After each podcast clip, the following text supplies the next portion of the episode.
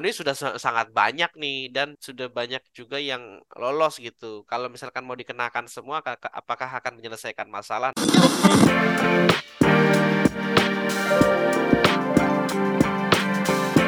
Hai sahabat TCID, kalian sedang mendengarkan podcast Suara Akademia. Ngobrol seru isu terkini bareng akademisi. Judi online is a big problem. That's a clear statement ya, karena memang um, kalau melihat beberapa perbincangan di um, YouTube, di sosial media gitu, judi online ini bisa dibilang sih masalah yang harus segera diselesaikan. Meskipun udah dari kapan tahu mau ditutup, tapi mati satu tumbuh seribu gitu. Dan ada juga perbincangan mengenai influencer dan juga live streamer yang mengendorse gitu praktek judi online ini. Caranya bermacam-macam. Ada uh, postingan yang mengajak untuk bermain game online dalam tanda petik. Ada juga yang mengatakan bahwa kalau misalnya seorang live streamer lagi live tiba-tiba dikasih donasi oleh uh, situs judi online itu tuh mereka mengelak bahwa ini donasi nggak bisa kita tolak. Tapi di akun Twitter @partai_sosmed gitu ya, mereka mencoba untuk membawa bahwa ini adalah masalah serius dan bisa dipidanakan. Apakah benar bisa dipidanakan? Apakah benar uh, bisa dipermasalahkan secara hukum atau ujung-ujungnya hanya dijadikan duta anti judi online saja gitu. Kita bakal bahas di Suara Akademia kali ini. Nama saya Muhammad Syarif. Kali ini kita bakal ngobrol bareng sama Mas uh, Muhammad Fatahillah Akbar. Beliau adalah dosen hukum dari Fakultas Hukum Universitas Gajah Mada. Halo, Mas Akbar, apa kabar, Mas? Baik, Mas Mamar. Alhamdulillah baik. Oke. Okay. Mas Akbar nih, Uh, mungkin pertanyaan saya pertama ketika partai sosmed naikin ini uh, jadi sebuah isu gitu. Beberapa nama live streamer muncul, beberapa nama selebritas muncul, beberapa nama uh, selebgram juga muncul mengenai endorsing judi online ini, Mas. Gimana ngelihatnya, Mas Akbar? Ya, sebenarnya sebelum diangkat oleh partai sosmed sendiri, kasus-kasus di mana influencer-influencer lokal ya bahkan mm-hmm. yang kemudian dijerat dengan pasal distribusi judi online sudah banyak gitu. Cuma karena sekarang itu kan dampak judi online itu terhadap masyarakat semakin tinggi bahkan PPATK mengeluarkan pendapat tentang jumlah uang yang dirugikan kepada masyarakat, perputaran uangnya dan lain sebagainya sehingga ya itu akan menjadi concern dan bahkan hmm. sekarang judi online sudah berani banget dia menggunakan influencer-influencer nasional bahkan selebritas nasional ya ya itu akhirnya beritanya semakin naik dan semakin naik gitu dan memang memang harus lakukan tindakan hukum gitu daripada nanti jadi kebablasan.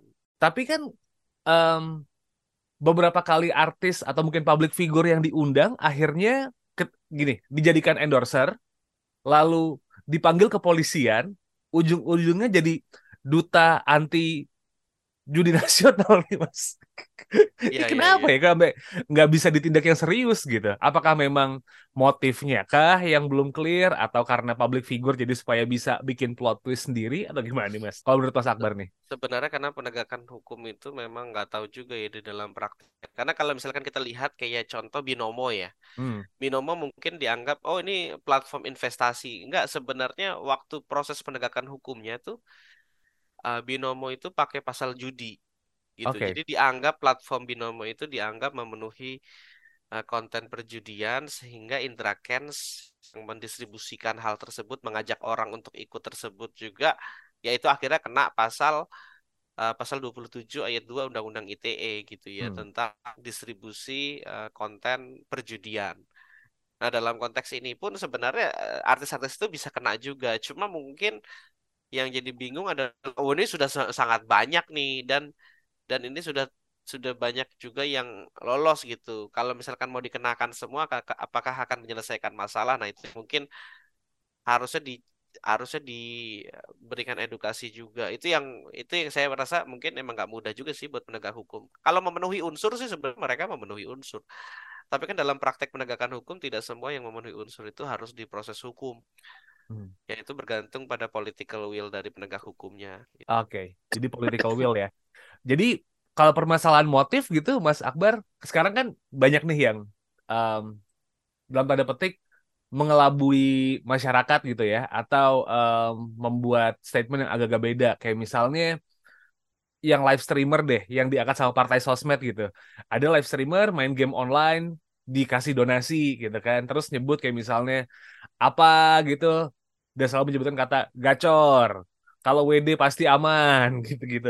Atau um, postingan di Reels dan juga di TikTok yang nyebutin ngajakin main game online. Uh, motifnya beda-beda.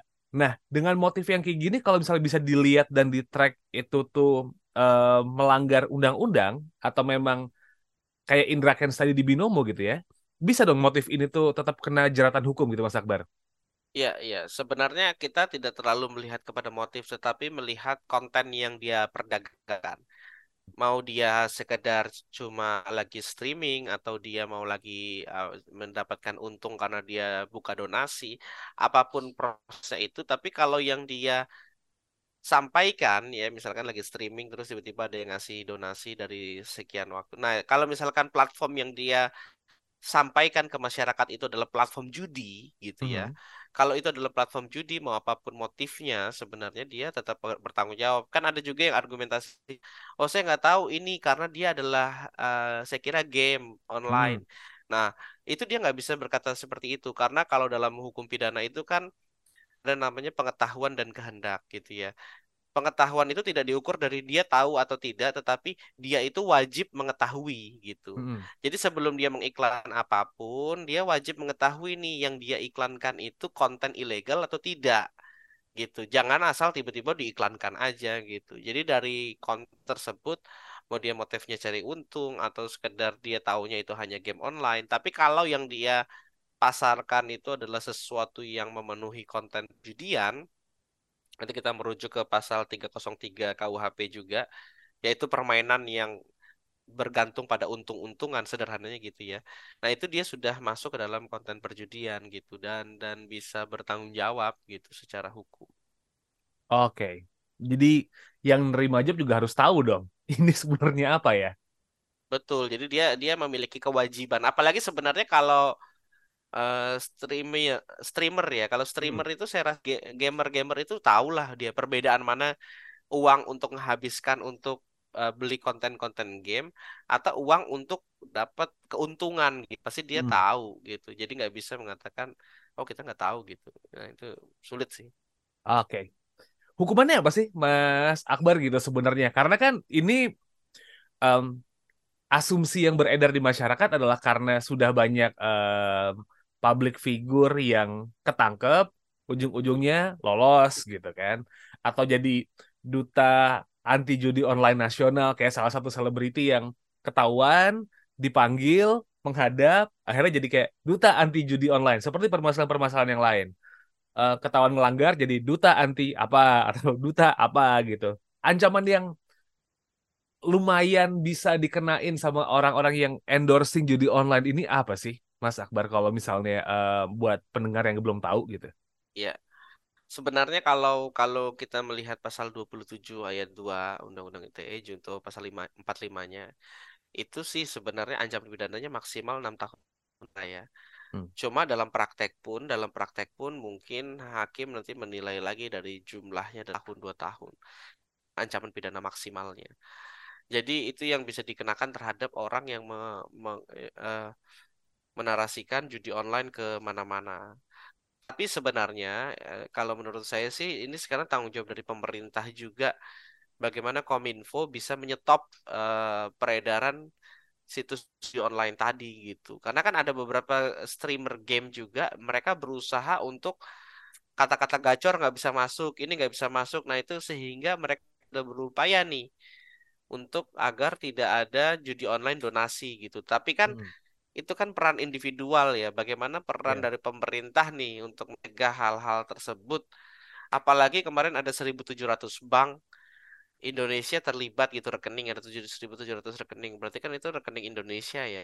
Hmm. Harusnya ada batasan juga nih gimana caranya rekening-rekening itu bisa dibekukan dan bahkan bagaimana agar tidak terdistribusi ke, ke judi online gitu itu yang jadi selain dari individu tadi memang secara pemerintah pemerintah harus melakukan sesuatu juga sih untuk mencegah secara nasional gitu. Um, ya hukumannya sudah ada gitu ya.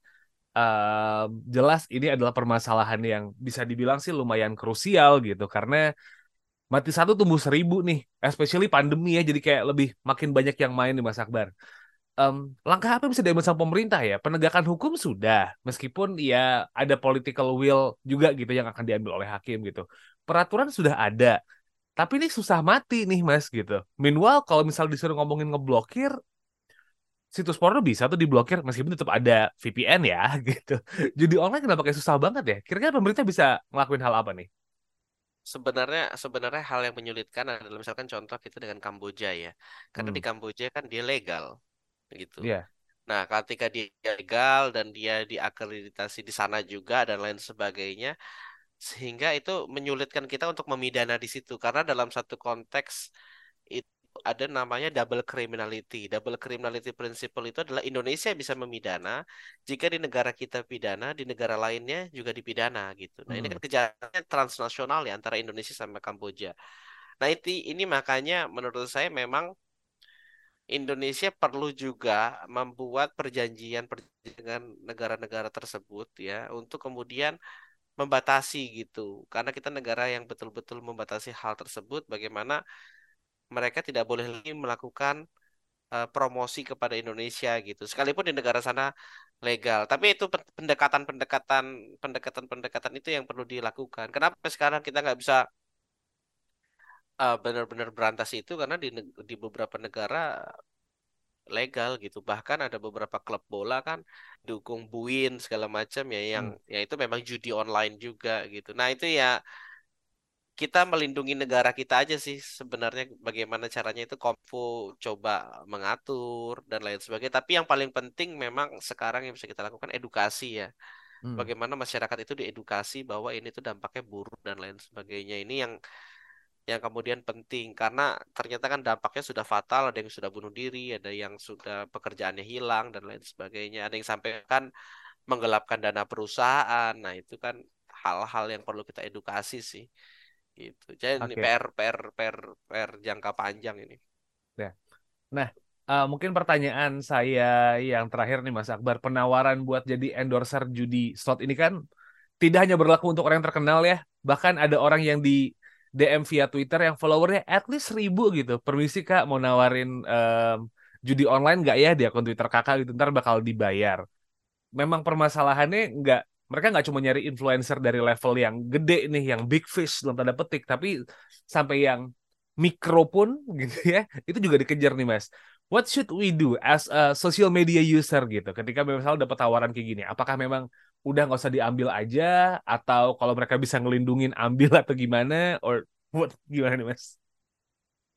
Kalau kalau menurut saya karena di undang-undang ITE kita itu me, me, illegal konten ya. Salah satu ilegal itu adalah perjudian. Jadi dipelajari betul kalau ada platform-platform yang menawarkan itu kalau kontennya sudah menyerupai perjudian, lebih baik ditinggalkan gitu karena nantinya ketika mereka sudah kasih uang ke kita juga, eh, mereka juga ternyata dari luar negeri juga yang bisa dikejar cuma influencernya gitu.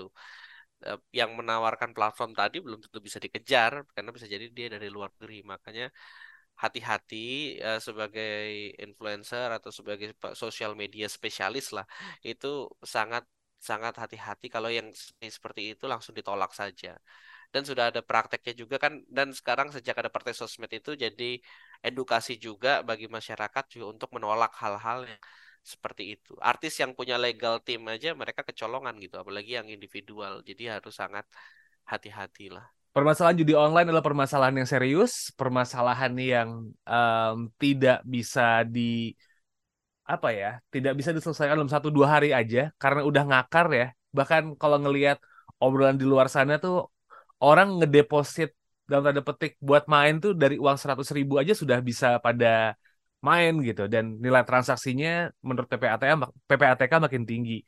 Mungkin Mas Akbar ada komentar lagi nih Mas uh, mengenai judi online, influencer, terus juga jeratan hukum yang bisa dikenain ke influencer yang um, mengendorse gitu. Meskipun sekarang udah pada mulai takut-takut ya. Mungkin ada disampaikan lagi Mas Akbar mengenai permasalahan ini nih.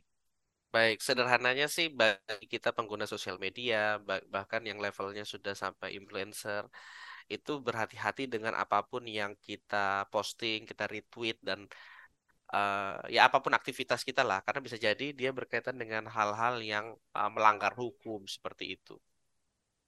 Jadi uh, harapannya menjadi pelajaran untuk kita semua. Kalau begitu uh, terima kasih Mas Akbar buat ngobrol-ngobrolnya kali ini clear ya kalau sebenarnya endorsing judi online itu salah gitu. Apa pun motifnya kalau emang ketahuan bahwa ini tuh mengarah ke judi online bahkan kalau live streamer kita nyebut situs judi online aja sudah termasuk bentuk endorsing ya kalau mengarahkan ya Mas Akbar ya. Ini yang perlu di apa namanya? perlu di waro gitu. Jadi jangan cuma dianggap jadi bahan bercandaan kayak misalnya eh aku pernah lo main ini dan ternyata menang meskipun based on pengalaman pribadi itu bisa termasuk langkah endorsing dan uh, mengarahkan orang buat gitu ya kalau emang punya power ya.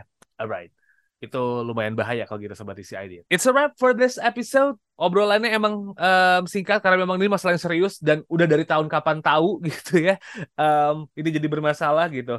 Pokoknya kalau buat um, tahu seluruh update dari The Conversation Indonesia, jangan lupa buat cek website kami at theconversation.com/id dan buat uh, tahu kira-kira Mas Akbar um, punya opini apa atau mungkin apa yang lagi dilakukan sama Mas Akbar gitu. Tweet-tweetnya Mas Akbar bisa dicek di at M Fatahillah Akbar atau mungkin misalnya Mas Akbar habis um, ngeluarin hasil penelitian atau apa pun itu bisa dicek di sosial medianya beliau. Kalau gitu, saya Muhammad Syarif pamit. Kita ketemu lagi di next episode. Wassalamualaikum. Kalian telah mendengarkan podcast Suara Akademia. Ngobrol seru isu terkini bareng akademisi.